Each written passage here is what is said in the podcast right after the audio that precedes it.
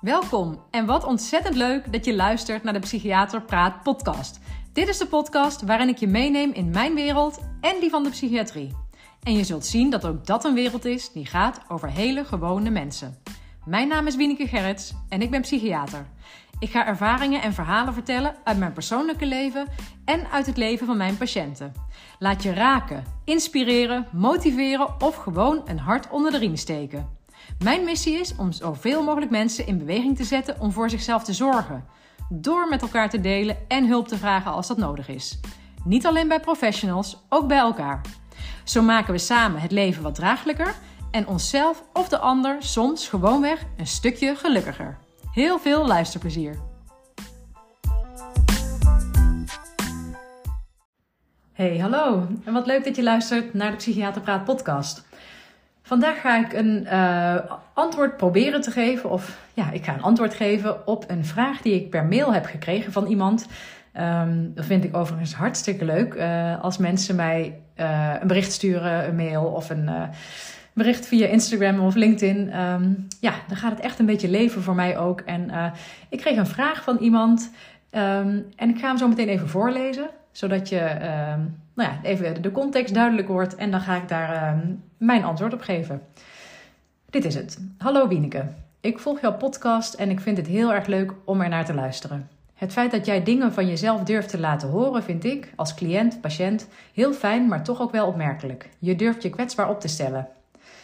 Ik zit al heel wat jaren in therapie en merk dat veel behandelaars de afstand tussen zichzelf en de patiënt zo groot mogelijk willen, wil houden. Vooral niets loslaten over jezelf terwijl het zo helpend is wanneer de behandelaar iets vertelt over zichzelf. Doordat de afstand dan kleiner wordt, word je opener en durf je meer te gaan vertellen. En ik ben jarenlang een oester geweest. Maar door het delen van de behandelaar ben ik over de streep getrokken om de, om de behandelaar mijn vertrouwen te geven en eindelijk te gaan delen. Het is dan zo'n verademing om naar jouw podcast te luisteren. Jij durft te delen over jezelf. Het maakt je zo menselijk. Bedankt hiervoor. Ik zou het wel interessant vinden, onderwerp vinden voor wat je wel of niet deelt met je patiënt of iets dergelijks. Vooral omdat delen zeker iets doet met het vertrouwen van de patiënt. En dat bedoel ik in positieve zin. Vol enthousiasme wacht ik op jouw volgende podcast. Ik wens je heel veel succes met je praktijk en je podcast. Nou, degene, ik hoop dat je deze aflevering ook luistert. Degene die de mail heeft gestuurd, heel erg bedankt. Um, en ja, ik, ik weet bijna niet waar ik moet beginnen. Um, maar ja, ik ga het toch doen. Ehm, ja, dan begin ik misschien eigenlijk gewoon even bij het ja, wat meer zakelijke stuk.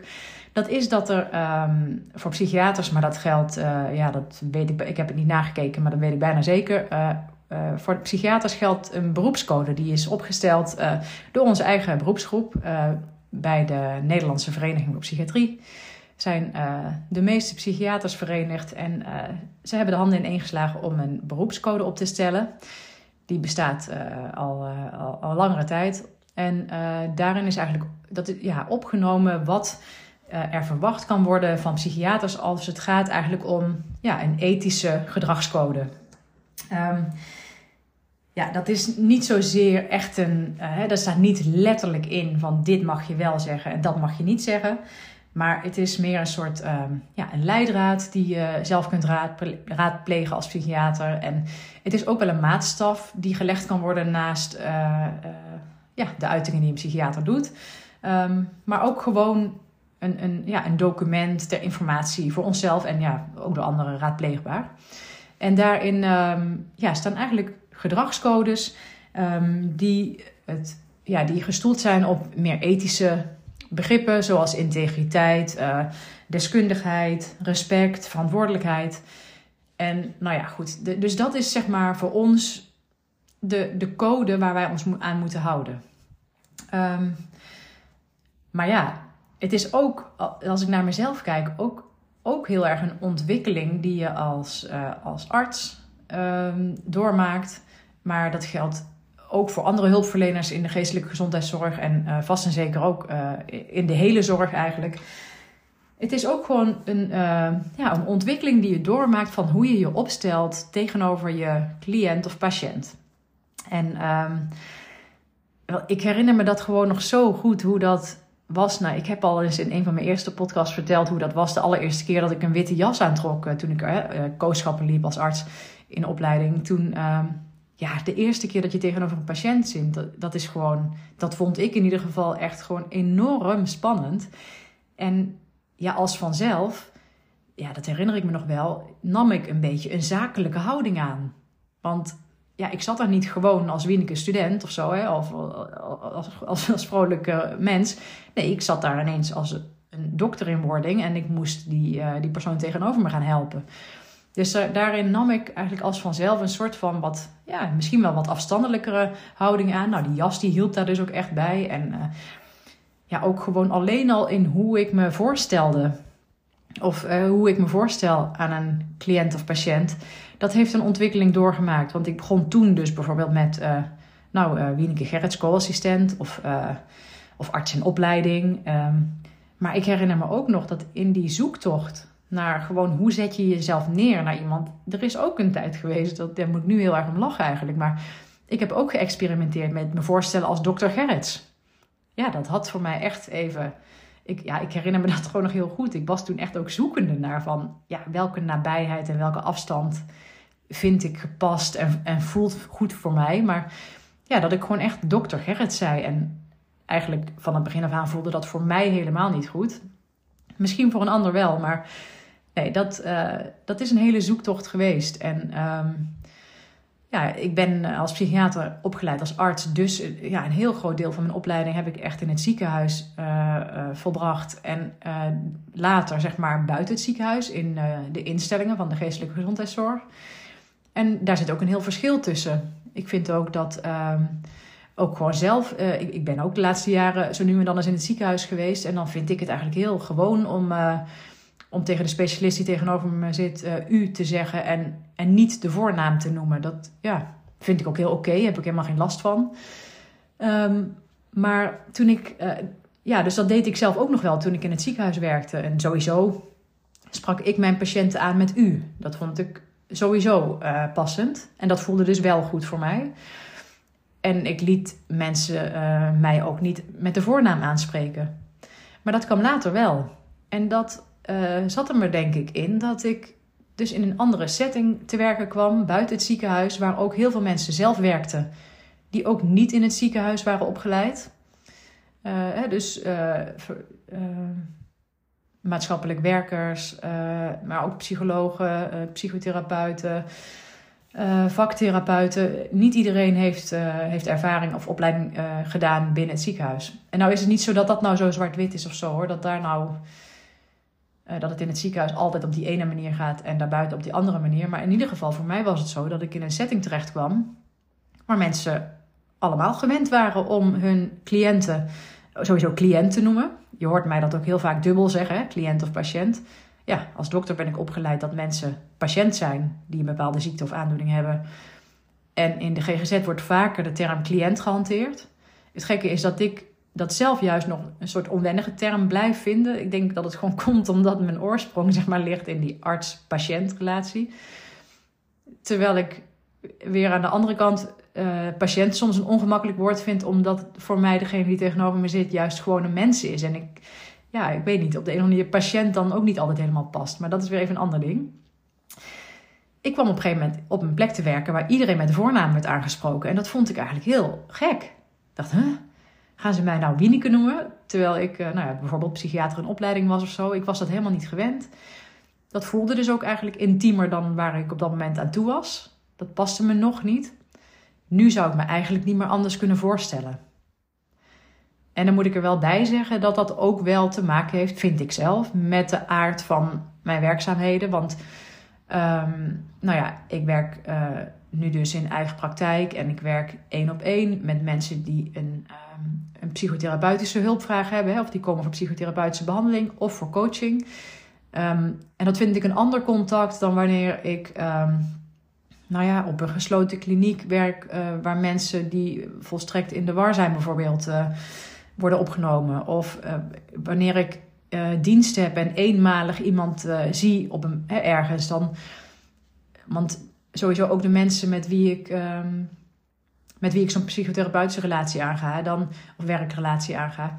Kijk, in het eerste contact varieer ik altijd.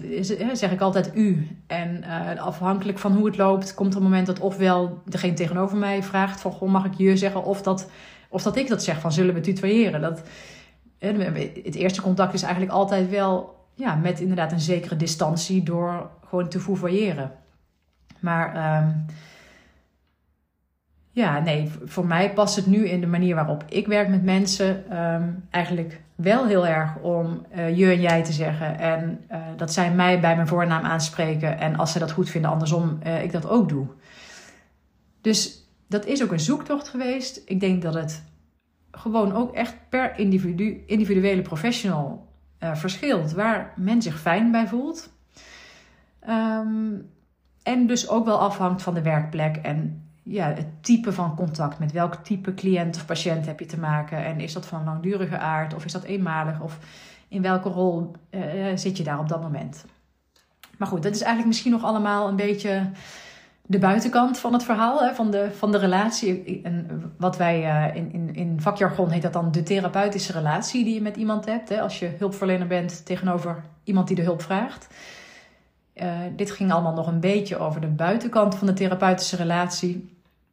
Kijk, hoe je vervolgens met elkaar omgaat en wat je vertelt, um, ja, daar kan ik ook wel wat over zeggen. Daar heb ik ook wel uh, wat persoonlijke voorbeelden van. Um, en ik denk dus, nou even teruggaan bijvoorbeeld naar die beroepscode. Ja, er is wel degelijk, uh, daar zitten wel degelijk grenzen aan wat je van jezelf mag en kunt laten zien uh, aan een patiënt.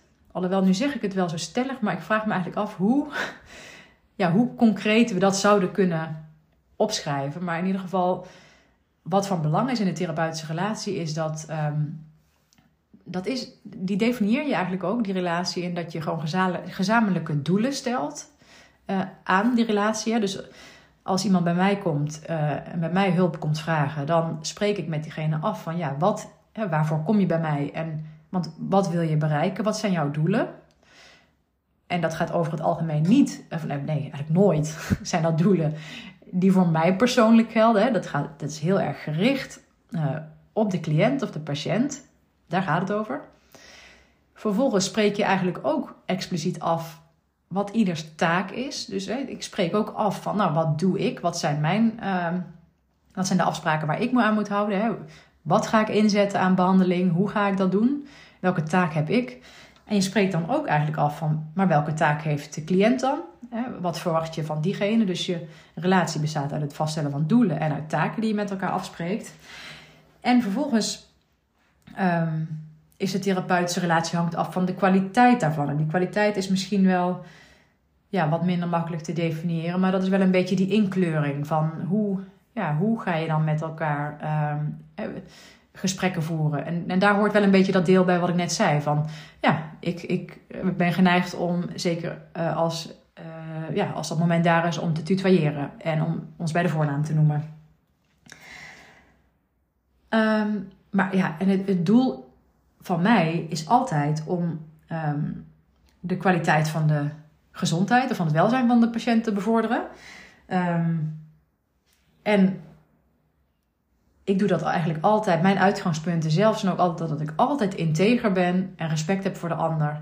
En dat ik gericht ben op zijn of haar um, uh, doelen. En niet op die van mezelf. Dus uh, je zou kunnen zeggen dat het, dat het zelden nodig is om iets over mezelf te vertellen. Tenzij ik echt denk dat ik daar de ander mee help.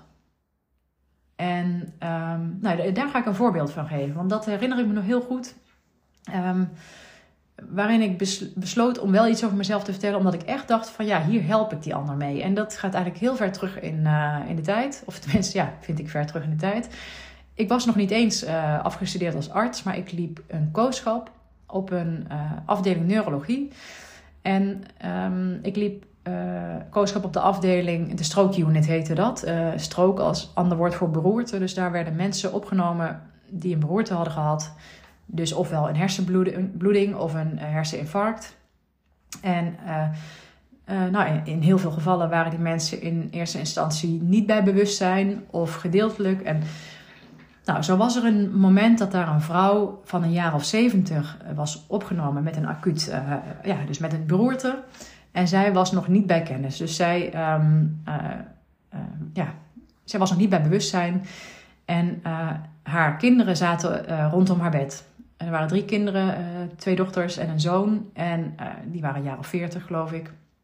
En ja, zij waren gewoon ja, ja, vanzelfsprekend, zeg maar, heel heel verdrietig, maar ook heel angstig van ja, wat, hoe gaat het verder? Gaat, u, gaat mijn moeder nog wakker worden? Uh, en zo ja, wat, wat rest er dan? Is er restschade van de beroerte? Of herstelt ze weer helemaal? En ehm, nou ja, ik zag gewoon heel erg aan hun, wat ze zeiden, maar ook aan hun gezichten, gewoon echt het verdriet en de angst van waar het heen ging. En nou was het zo dat, dat ik zelf nog geen, ja, wat was het? vier maanden daarvoor of zo op dezelfde manier aan het bed van mijn moeder had gezeten. Ook in het ziekenhuis, ook na een beroerte. En ehm, dus dat, ja, dat lag nog heel dichtbij. Maar ik had dus ook het idee dat ik me heel erg kon verplaatsen in hun. En misschien, ja, je zou kunnen zeggen, misschien legde ik te veel mijn eigen gedachten en gevoelens daarin, in wat ik zag. Maar nou ja, de situatie leek ook zoveel op elkaar. En wat ze daarbij zeiden, dat, dat leek zoveel op elkaar dat ik echt dacht van jeetje, ik, ik zie echt wat, hè, ik begrijp echt wat het met hen doet. En ehm, in mijn geval was het zo dat uh, mijn moeder dus ook inderdaad um, in eerste instantie niet bij bewustzijn was en uh, na latere tijd wel. En, en, en ja, een heel herstel, uh, hersteltraject heeft doorgemaakt. Dus stap voor stap zagen we weer uh, wat er goed ging met haar, wat er terugkwam. Uh, en welke ja, restschade er zeg maar over was gebleven. Maar in zekere zin, omdat bij, in mijn geval, bij mijn moeder, waren de artsen in het begin heel pessimistisch. Had eigenlijk niet verwacht dat ze goed zou opknappen. En dat gebeurde dus wel grotendeels. En dus dat was zo gezegd een soort van succesverhaal. En deze mensen die ik nu, waar ik als co-assistent werkte, voor me zag, die wisten nog niet waar het heen zou gaan. Die zaten in diezelfde onzekerheid en die herkende ik zo sterk. En ik weet nog dat ik heel erg heb getwijfeld van, ja, ik, ik voelde de neiging om dat met hen te delen. Gewoon om te laten zien van, hé, hey, jullie zijn niet de enige of zo. Of ik begrijp je, ja, voel je gesteund, zoiets. Maar ik had ook het gevoel dat het niet mocht. Want ja, dat was iets, dat ging over mij en ik moest hen daar niet mee belasten. En... Uh, nou, dus ik heb daar echt even mee gelopen, zo even over nagedacht. En ook met mijn supervisor over gehad. Van, ja, mag je dit vertellen, ja of nee? En toen hebben we heel erg bekeken van, ja, zou het... Nou, in dit geval ging het dan niet zozeer over de patiënt zelf, maar over de familie daarvan. Maar ja, dat is wel een verlengstuk van de patiënt. Gewoon gekeken van, ja, draagt het bij aan het welzijn van die personen? Of zou het hen schaden? Ik bedoel, dat zou sowieso, sowieso dan een no-go zijn. Je, je wil nooit uh, iets schaden. En of dat gebeurt, weet je natuurlijk nooit zeker, maar dat moet niet de intentie zijn. En we hadden toch wel het idee van, nou, het zou best wel kunnen zijn dat ook al weten zij nog niet waar het met hun moeder naartoe gaat, dat het gewoon toch heel erg steunend kan zijn als ze weten van, hé, hey, er is er iemand uh, die hetzelfde heeft meegemaakt. En uh, dus uiteindelijk heb ik het wel gedaan. En um, dat was eigenlijk nog best wel spannend. Het was eigenlijk echt, ja, dat was zeker de eerste keer dat ik zoiets persoonlijks, ook iets wat mij zo emotioneel raakte, uh, deelde met in dit geval de familie van een patiënt. En ik moet ook zeggen, toen ik erover begon te vertellen aan hen, ja, toen kreeg ik ook tranen in mijn ogen, omdat het me ook zo uh, ja, terugbracht naar dat gevoel van toen, wat gewoon echt heel erg moeilijk en verdrietig was. En nou, om een lang verhaal kort te maken, uh, deze kinderen van de patiënt, die vonden dat echt gewoon heel erg fijn dat ik dat deed. Voelden zich heel erg gesteund, voelden ja, waren gewoon heel erg blij dat ze, dat ze ook vragen konden stellen. Zo van, hè, ja, het gevoel hebben van, jeetje, we, we worden echt gezien. We worden echt begrepen in, in deze situatie. En, uh, en natuurlijk was het zo dat, want ze vroegen hoe dat bij mijn moeder vervolgens was gegaan. En dat, dat heb ik wel verteld. En natuurlijk wisten we niet of het bij hun moeder ook zo zou gaan. Want het zou ook kunnen zijn dat het, ja, dat, dat niet zo was. Dat het minder positief zou uitpakken. Maar toch gaf dat ook hen hoop. Dat ondanks dat een situatie gewoon heel, uh, uh, hoe zeg je dat? Ik kan even niet het woord vinden, maar uh, nou, niet rooskleurig is en heel onzeker is, dat je toch ook hoop hebt van, oh, het zou dus kunnen dat het toch nog veel verbetering optreedt. Nou, en, en die ervaring van mijzelf, dus in mijn wording tot arts en psychiater, die hebben wel gemaakt dat ik dus dat niet uit de weg ga. Of, laatst, of eigenlijk anders gezegd, dat ik denk dat het kan, als je dat gewoon goed afweegt, kan het heel erg uh, helpend zijn om wat van jezelf te delen. En uh, dat ben ik ook echt in mijn latere werk. En zeker nou, naarmate ik meer ervaring kreeg met, uh, met de therapeutische relatie, hè, met de arts-patiënt of cliëntrelatie. Um, ja, ben ik dat ook een beetje blijven oefenen, zou je kunnen zeggen. En ja, oefenen moet je niet te, te letterlijk opvatten, want ik heb dat dus nooit gedaan als primair mijn, voor, voor uit eigen belang. Dat is misschien uh, wat je bij leren zou kunnen uh, uh, denken. Maar ik heb het altijd primair van het belang bekeken vanuit de persoon tegenover mij. En um, ja, zo heb ik echt veel met mensen gewerkt en is het echt niet uh, bij één keer gebleven dat ik um, wat heb verteld over uh, herkenning als iemand ergens mee worstelt. En dat ik daar ook over heb kunnen zeggen van hé hey, ja, ik, uh, ik ken wat je hebt verteld. En dan ja, daar misschien kort niet, heel, niet helemaal door of niet heel uitgebreid in detail, maar toch laten merken van hé, hey, maar de situatie waar je in zit, kan ik toch op zekere, hoogte begrijpen of meeleven, want dat heb ik ook meegemaakt. Of, um, en dat heeft er ook voor gezorgd dat ik ja, ik denk ook wel dan meer dan op één hand te tellen, ook wel eens in tranen ben geweest uh, uh, in therapieën. En dan uh, niet dat ik brullend tegenover mijn patiënt of mijn groep zit, zo ook weer niet. Maar ja, ik heb ook gewoon bij verhalen die worden verteld door patiënten, ook, die ja, ook als ik die gewoon zo aangrijpend vind. Nog, nog los van, ik bedoel, ook al heb ik dat zelf niet meegemaakt, maar als, ik dat, zo, als dat me zo raakt en dat zo'n zo'n pijnlijk gevoel geeft, dan ja, dan heb ik gewoon wel eens dat er tranen in mijn ogen komen. Daar kan ik zeg maar niks aan doen. Dan kan ik heel erg hard mijn best doen om die weg te knipperen en het niet te laten merken. Maar ja, ik heb best regelmatig ervaren dat dat gewoon toch ja, ook echt iets doet met, met de verbondenheid die je met elkaar hebt. En met, ja, dus dat bedoel ik, en met de kwaliteit van de relatie. Wat, wat het met de kwaliteit van de relatie met elkaar doet. Dat de ander Kijk, als een ander iets heel ergs vertelt en je zegt: Goh, wat is dat erg? Dan uh, voelt dat misschien min, minder, mm, ja, minder echt of komt dat minder binnen dan wanneer ik tranen in mijn ogen krijg en zeg: Jeetje, wat is dat erg? Ja, dan, dan voelt iemand zich denk ik echt meer gezien of gesteund. En dus dat um, vind ik wel mooi dat de persoon die deze mail aan mij heeft gestuurd ook zegt van ja, uh, het kan zo helpend zijn als je wat over jezelf vertelt of wat van jezelf laat zien. Dat herken ik heel erg. En ik denk dat het wel altijd een, een soort spannend uh, gebied blijft. Want het kan je dus ook aangerekend worden als je uh, te veel van jezelf laat zien. Of als, als ja, een, een cliënt of patiënt kan het ook als ongepast ervaren als ik iets inbreng. En um, nou ja, waar, ja, moet ik eigenlijk eerlijk zeggen, dat heb ik ook en dat hebben heel veel collega's. Wat toch eigenlijk altijd wel spannend is, is iemand kan een klacht tegen je indienen. Dat, ja, ook als hulpverlener. Tenminste, ik voel me ook best wel kwetsbaar.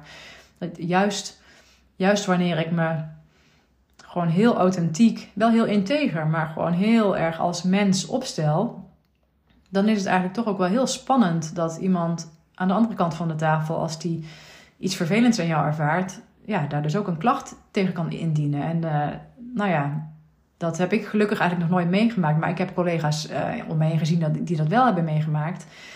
En dat, uh, dat is toch een heel erg moeilijk proces waar je dan in terecht komt. En zo zijn er thema's ook waarvan ik denk, ja, die, die vermijd ik wel. Ik bedoel, ik, ja, ik moet meteen denken aan het, aan het thema seks bijvoorbeeld. Ja, ik zou eerlijk gezegd ook niet echt een goede reden weten waarom ik daarover zou gaan vertellen over mezelf. Maar, maar dat, is een, dat is een gebied, nou ja, zeker in deze hele uh, context van de MeToo. hoe noem je dat? De, MeToo-fase waar we in zitten. Ja, daar wil je verre van blijven. En het is toch zo dat je als therapeut, ja, er, zoals dat nu vaak in de media wordt, naar voren wordt gebracht, hè, die, die machtsverhouding. Ja, een arts-patiëntrelatie is ook een, een, zit ook een bepaalde machtsverhouding in. Uh, dus daar, daar uh, zou ik wel al, daar zou ik heel voorzichtig in zijn. Even als side note, uh, natuurlijk is het onderwerp seksualiteit of seks zeker wel kan zeker onderwerp van de therapie zijn. Maar dit ging even hier over dat stuk over wat deel je over jezelf.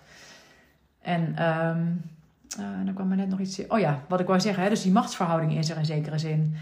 En die, die, ja, die, die, kun, die kan ik niet ontkennen. Terwijl ik daar wel meteen bij wil zeggen van, en dat vind ik een hele mooie die ik uh, een keer van uh, heb gelezen in een boek van uh, Irvin Yalom. Dat is een, een Amerikaanse psychiater. Heeft heel veel boeken geschreven, zowel vakliteratuur als ook romans. heel erg aan te raden trouwens. Vind een hele mooie schrijver. Of hij schrijft heel mooi, zo gezegd. Um, daar las ik een keer dat hij zei van ja, als je als therapeut, in welke discipline dan ook, maar als, als hulpverlener tegenover een cliënt of patiënt zit, um, dan zei hij dan ben je uh, niet gelijkvormig, want je hebt dus een andere rol en dus ook een andere taak. Dus qua vorm ben je figuurlijk gezegd niet hetzelfde, maar je bent wel gelijkwaardig. En dat, daar ook echt, ja, dat is, ik weet zeker, um, ja, ik weet dat er mensen zijn die in het verleden uh, patiënt zijn geweest bij mij of cliënt, want dat hebben ze me laten weten ook. Maar ik weet zeker dat als er mensen luisteren die mij tegen zijn gekomen uh, uh, als professional, of het kunnen ook collega's zijn, ik weet zeker dat ze mij dit vaker hebben horen zeggen. Wij zijn niet gelijkvormig, maar we zijn wel gelijkwaardig. En daar geloof ik ook echt ja, 100% in. En dat vind ik ook vaak een hele belangrijke boodschap om te vertellen. Want ik heb heel veel mensen tegenover me die zich heel weinig waard voelen door hun psychisch lijden. En door alles wat ze daardoor, uh, ja, nou ja, waardoor ze zich minder voelen. Um, daar heb ik ook inderdaad in een aflevering over gesproken. Hè, dat patiënten over het algemeen, um, niet alleen maar mensen met psychisch leed, maar ook met andere aandoeningen. Zodra je een patiënt bent, zit daar heel vaak een, een gevoelheid van een mindere waardigheid. En ik vind het altijd heel belangrijk om te benadrukken dat ik dat niet vind. En ik hoop ook dat het dan dus wordt overgenomen.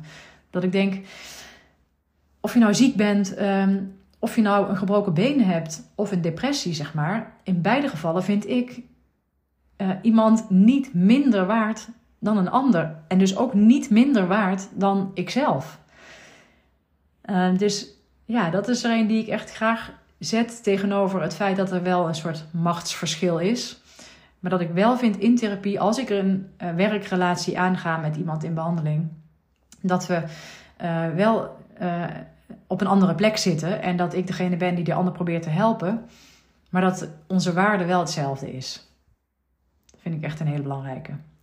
En um, nou ja, zo is het ook nog eens zo, dat uh, uh, schiet me nu ook ineens te binnen, dat wat vertel ik nou over mezelf? Als ik nou eens terugdenk aan hoe vaak ik letterlijk iets over mezelf heb verteld, dan valt dat misschien eigenlijk best wel mee. Dus wel, zoals ik net zei, dat ik soms reflecties geef over of, hè, van dat ik dingen herken, maar echt persoonlijke dingen vertellen vanuit gewoon hè, een verhaal vertellen over mijn persoonlijke leven in een therapie. Dat gebeurt eigenlijk helemaal niet veel. En ik snap wel ook, nou, deze mail. Uh, kijk, ik, zit, ik praat hier en ik heet De Psychiater Praat Podcast. Dus ik zit hier ook, ik vertel hier ook vanuit mijn ervaringen als psychiater. Maar wat ik nu aan het doen ben, is natuurlijk geen therapie. Dus hierin vertel ik, hè, verweef ik heel veel persoonlijke dingen. Um, maar zoals ik hier nu in deze podcast spreek, zo, zo spreek ik niet in een therapiesessie, omdat uh, er toch een verschil is. Uh, dat ik dan echt kijk van, maar wat is het doel van deze specifieke persoon tegenover mij en draagt mijn verhaal daaraan bij?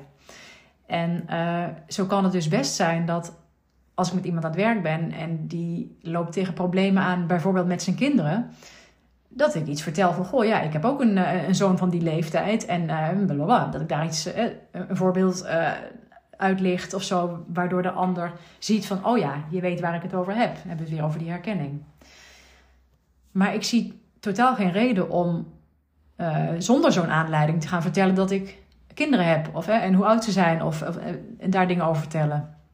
En wat ook best geregeld gebeurt, namelijk, is dat um, ja, patiënten zijn over het algemeen, of laat ik eigenlijk gewoon zeggen, mensen zijn over het algemeen gewoon heel nieuwsgierig naar de persoon, tegenover zich. Dat heb ik namelijk zelf ook. Ik heb ook um, uh, gedurende mijn opleiding, uh, dat is sowieso een verplicht onderdeel van, uh, van onze opleiding tot psychiater, dat je zelf therapiesessies volgt. bijna een jaar lang heb ik dat dus gedaan bij uh, iemand die zelf psychiater is. Nou, ik was onmetelijk uh, nieuwsgierig naar die persoon. En ik vond het eigenlijk, ja, irritant of zo. Of frustrerend dat ik, ja, dat ik dat niet gewoon kon vragen. En, uh, en dat, ja, dat had ik mogen vragen, maar dan had ik de bal teruggekaatst gekregen. En dat zou ik ook irritant hebben gevonden. Dus zoveel vragen heb ik niet gesteld. Of misschien eigenlijk bijna geen vragen. Maar ik, ik, her, ik herken dat wel, ja. Dat als je aan die kant zit van de cliënt, dat, het, dat je gewoon nieuwsgierig bent naar de ander. En, en de neiging hebt om daar meer over te weten en vragen te gaan stellen. En dat, dat heb ik dus ook al heel vaak meegemaakt met cliënten waarmee ik aan het werk was. En uh, ja, hoe irritant ook misschien, ik heb ook de bal heel vaak teruggekaatst. Om, en dan vooral zo hè, van, ja, je stelt me die vraag, maar, en die kan ik heel makkelijk beantwoorden. En het is ook geen geheim, het antwoord op die vraag. Maar welk doel uh, uh, dient het als ik de antwoord op geef? Wat is, wat is het doel van jouw vraag? Waarom wil je dit over mij weten? En dan kom je er wel heel vaak bij uit dat dat dus eigenlijk niet gaat over ja, echt een doelstelling van de therapie, maar dat het heel vaak uh, gaat over een nieuwsgierigheid van iemand. En, um, en soms kan het ook iets zeggen over dat iemand eigenlijk het best wel moeilijk vindt om te verdragen dat er die ongelijkvormigheid is. En dat, je, dat iemand eigenlijk heel erg drang heeft naar uh, ja, gelijkheid, dus ook gelijkvormigheid. En daardoor uh, eigenlijk een beetje, ja, zo, zou, zo noem ik dat dan, een beetje over die grens gaat. Wacht even, we zijn hier wel in een werkrelatie met elkaar. We zijn hier niet als vrienden aan het praten, dus we zijn niet gelijkvormig. En um, dat uh, zie je dan vaak ook bij mensen die breder in hun leven last hebben met het omgaan met autoriteit. En dan is het juist een heel interessant thema, kan het dan zijn, als je, als je daarop uit kunt komen met de ander. Van hé, hey, ja, je wil die dingen weten, je verdraagt het eigenlijk heel slecht dat ik dat nu niet ga vertellen. Um, en dan kun je dat gaan verleggen van, ja, ken je dit uit andere situaties? En iemand die een autoriteitsprobleem ervaart of heeft, zeg maar, die weet meteen te noemen van, waar die allemaal last van heeft. En dat kan dan zijn met leidinggevenden op het werk, of dat kan uh, zijn uh, ja, met andere mensen die zeg maar in de hiërarchie boven hen staan, om wat voor reden dan ook, en dat ze daar eigenlijk moeilijk mee om weten te gaan. En dan zou ik die cliënt niet dienen als ik direct antwoord geef op de vragen en daarin meega, maar dan dien ik hem of haar meer als ik ga stilstaan bij dit conflict, bij dit autoriteitsconflict. En wat het vertelt over, dan gaan we dat proberen uit te pluizen, proberen te snappen, waardoor hij uiteindelijk beter leert daarmee om te gaan. En dat ik het dus niet door antwoord te geven eigenlijk uit de weg ga om dit probleem te ontrafelen. Dus ik denk dat er dus heel veel waarde in kan zitten in het weldelen van persoonlijke uh, dingen in therapie. En ik denk dat er ook heel veel waarde kan zitten in soms expliciet niet antwoord geven op de vragen. En dat hangt er dus heel vaak vanaf van, ja, kun je ontdekken wat, wat de, de aanleiding is dat iemand iets wil weten of de aanleiding is dat ik uit mezelf iets deel over mezelf. Altijd, en dat is nooit anders, altijd geldt is het in het belang van deze persoon tegenover me dat ik wel of niet iets vertel? Nou, ik hoop dat ik hiermee uh, jouw vraag, want als je dit luistert, dat hoop ik heel erg dat je luistert, maar ik hoop dat ik hier gewoon ja, nog wat meer uh, inkleuring heb gegeven uh, aan het antwoord van de vraag, die ik ook al per mail uh, naar jou had gestuurd natuurlijk. Ehm, en ik hoop dat het misschien andere mensen die luisteren ook, ehm, nou ja, een inkijk heeft gegeven over hoe dat vanuit mijn positie is. En misschien als er, want er luisteren ook best wel wat collega's, weet ik inmiddels. Ik krijg best wel vaak reacties van mensen die ook, niet alleen psychiaters hoor, maar ook andere hulpverleners uit de GGZ. Dus wie weet heb ik hier ook weer collega's mee geïnspireerd. Of om wat voor reden dan ook iemand geraakt. Dat zou ik heel, heel fijn vinden. Um, ja, ik ga het hierbij laten vandaag. Ik wens jullie een hele fijne dag en hopelijk luister je de volgende keer weer. Oké, dag.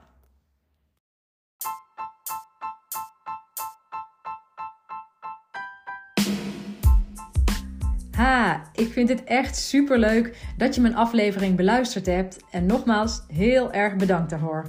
Hopelijk heeft het je ook aangesproken en wil je me dat laten weten? Dat kan via mail naar info.wienekegerrits.nl, een bericht via Instagram, waar ik te vinden ben onder Wieneke underscore of op LinkedIn onder mijn eigen naam. Ik vind het heel leuk om ook jou beter te leren kennen en te weten wie er luistert. Jij kunt ook anderen inspireren door mij te taggen, bijvoorbeeld in je stories of je feed op Instagram. En wat jij van mij kunt doen, is in jouw podcast-app waar je deze beluistert, een review achterlaten. Bijvoorbeeld een aantal sterren. Wil je dat doen? Zo kom ik erachter of en hoe mijn podcast gewaardeerd wordt en wordt hij beter vindbaar voor anderen. Overigens kun je je ook abonneren op deze podcast in je app. Hoe dat per app werkt, weet ik niet precies, maar vaak is er een knop subscribe, abonneren of volgen en dan krijg je automatisch een berichtje of in je app te zien als ik een nieuwe aflevering heb geplaatst. Maar nogmaals, super, super, super dank en tot de volgende!